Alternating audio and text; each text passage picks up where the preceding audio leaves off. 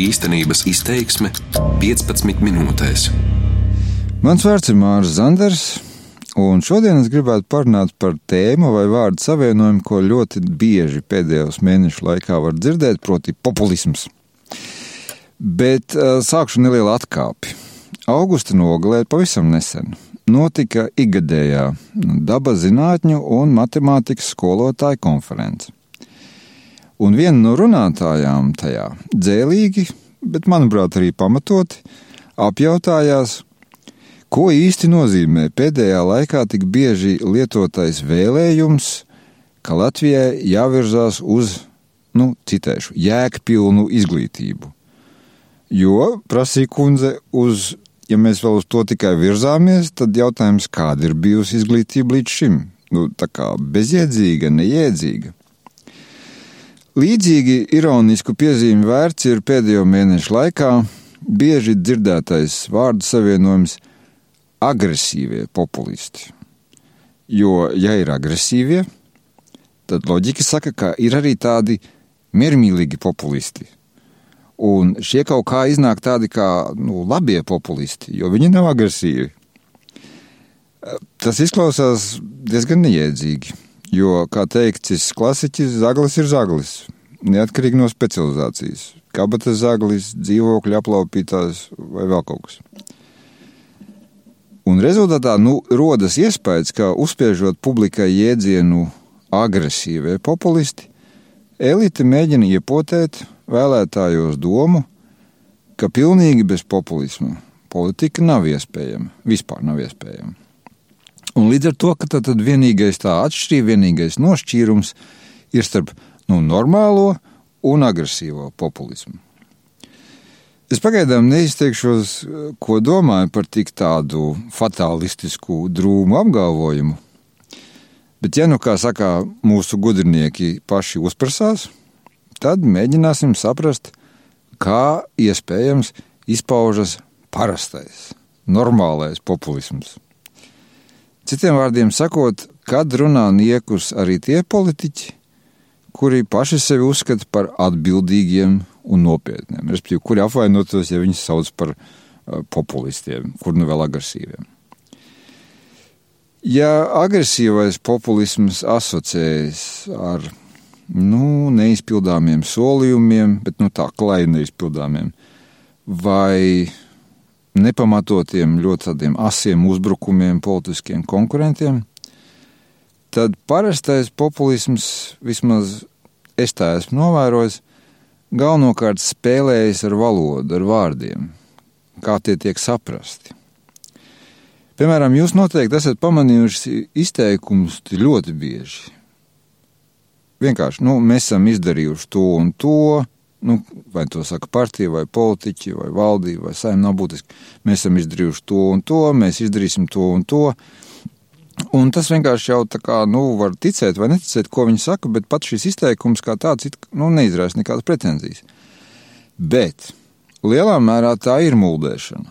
Tā vienkārši iemesla dēļ, ka ne jau simts deputāti vai pārdesmit ministri un viņu, nu, pietuvināto personu lokus panākt to, ka uzņēmumi, skolas, slimnīcas, UTT vispār strādā. Jā, protams, šis lokus dala naudu un pieņem likumus, tas ir daudz. Tas būtu tā dīvaini to apstrīdēt.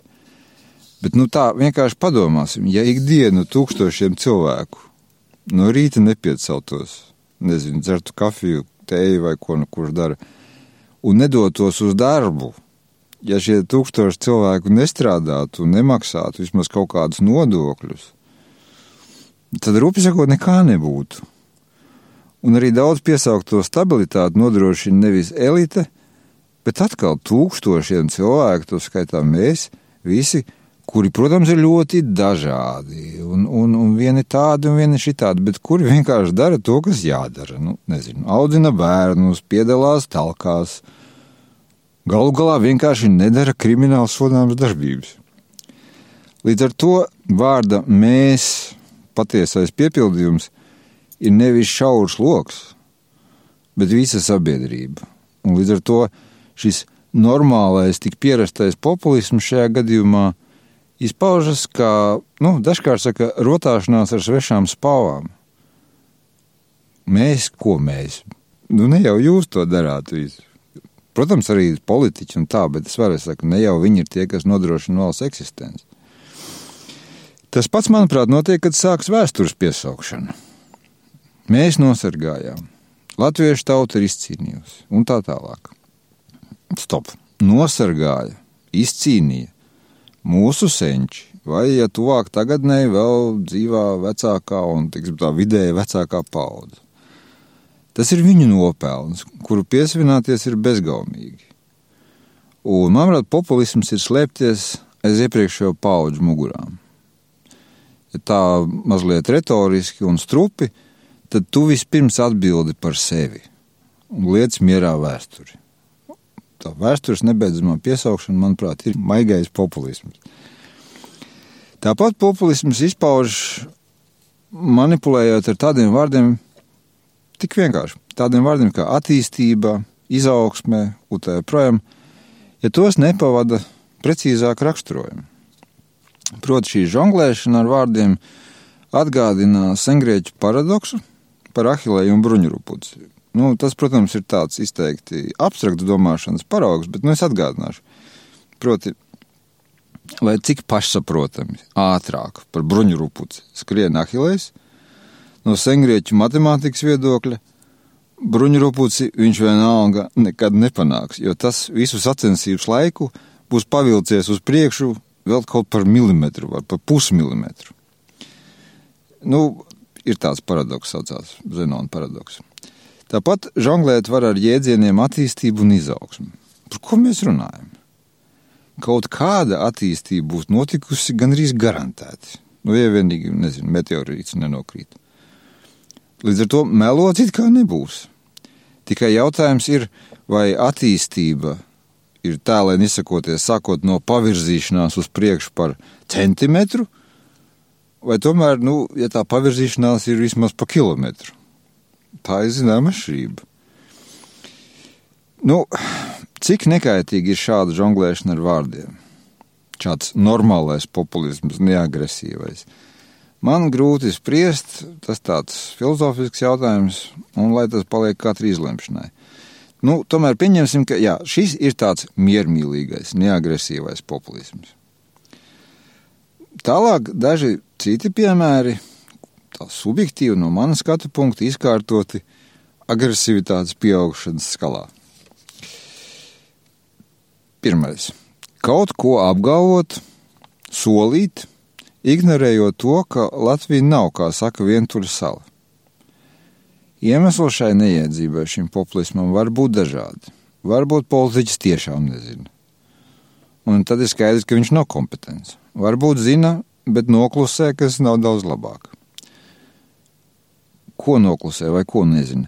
To, ka ja vien Latvija neizstājas no Eiropas Savienības, tas vēl nebūtu mazākais. Ja vien pasaules ekonomikā nebeidz darboties zināmas spēles noteikumi, tad no tā vien, ka kāds Latvijai kaut ko piesola, nekas nemainīsies. Valūtu kursi nav no mums atkarīgi. Kredītu pieejamība un likmes principā arī ne.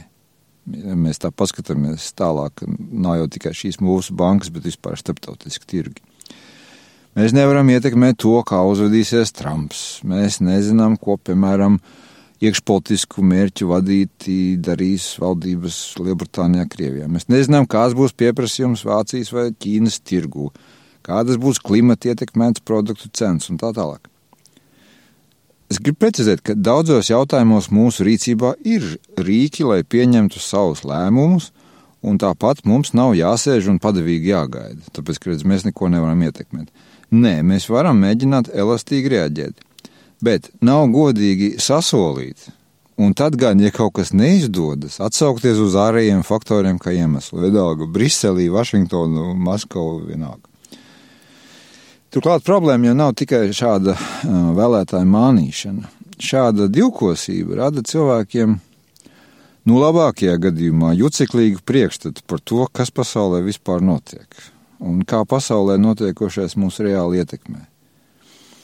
Respektīvi, šī tāda ārējās pasaules ignorēšana politiskajā retorikā būtībā veicina to, ka mēs slikti saprotam, kā vispār pasaule darbojas.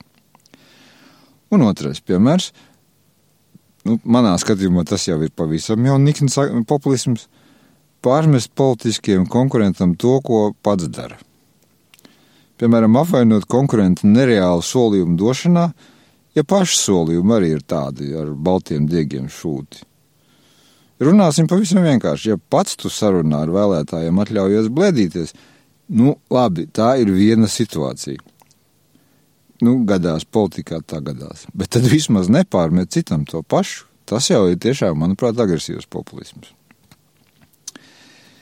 Iepriekš teiktais var radīt sajūtu, piemēru visādi bija, ka populisms vienalga agresīvs vai neagresīvs, politikā ir visapkārt. Un kas varbūt vēl svarīgāk, ka tas attiecīgi tādēļ ir neizbēgams. Es gluži tā nedomāju, bet, lai bez populismu iztiktu, ir jābūt pacietībai. Pacietībā šajā konkrētajā kontekstā nozīmē to, ka politiķis ar vēlētāju sarunājas regulāri, nevis sākot ar dažiem mēnešiem pirms vēlēšanām kad nu ir jāķer un jāgrābi, ko var, attiecīgi skaidrot, strīdēties labā, produktīvā nozīmē. Protams, nevienam vairs nav laika. Izsakot, es, es neticu, ka nevar jēdzīgi izstāstīt savas domas četru gadu laikā. Un pat ja sarunas biedrs vienalga nepiekritīs, tad vismaz būs bijis pietiekoši daudz laika godīgai sarunai. Savukārt, ja mēģina visu saraut. Nu, pēdiņā, žargonā izsakoties, saraut divos, trijos mēnešos, un tad tā komunikācija notiek. Un tad tiek stāstīts par plāniem un par saviem vērtējumiem, un tā joprojām. Nu, jā, nu, tad bez populisma neiztikt.